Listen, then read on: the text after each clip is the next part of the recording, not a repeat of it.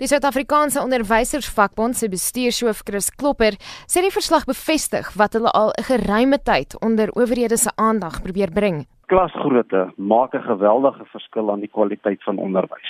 Skoolinfrastruktuur is 'n baie groot probleem. Dit is ook uitgewys dat skoolveiligheid 'n baie groot probleem is. Alles dui daarop dat die frekwensie van veiligheids- en risiko-omstandighede by skole dramaties versleg en ook die erns daarvan het dramaties versleg. En dan 'n ander belangrike aspek wat dit ook uitgewys is, dat daar is 'n geweldige behoefte aan werklik doelgerigte indiensopleidingsgeleenthede vir onderwysers. Hy sê verder daar's 'n groot behoefte om die gebrekkige opleiding van onderwysers reg te stel. Om nou 380 na 400 000 onderwysers deur 'n groot kursus te wil plaas om hulle grade of 4 jaar diplomas te gee, gaan doodgewoon nie werk nie. En daarom sal ons voorstel wees dat daar daadwerklik gefokus moet word in gefokusde in diensopleidingsprogramme om onderwysers te help en hulle vakkennis daadwerklik op te skryf. 'n Ander kommer is dat silabusse oorvol is. Hierdie beheptheid van die onderwysdepartement dat kinders die hele tyd getoets moet word. En dit is amper soos jy klim die hele dag op die skaal om te kyk hoeveel jy weeg, maar jy doen nie veel daaraan om jou gewig iets aan te doen nie. Dit is een van die redes hoekom daar slegs 66% van die onderrigtyd gebruik word omdat daar te veel administrasie is. Volgens hom gaan die situasie slegs verbeter as daar meer goed opgeleide onderwysers aangestel kan word.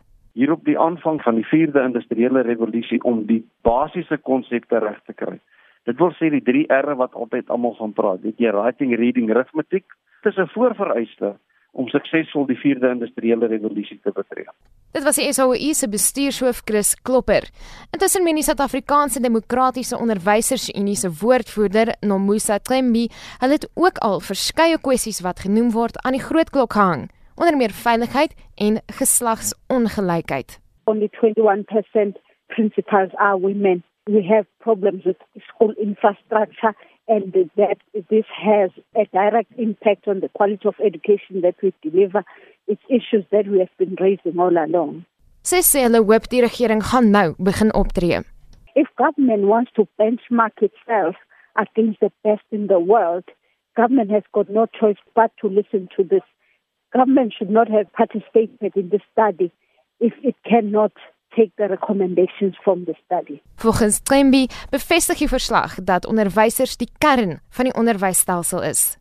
The government should listen to and implement what we say. The voice of the teachers has now been strengthened by this report. Dit was Sadou se woordvoerder Nomusa Trembi. Ek's Marlene Verschiefer SAK nuus.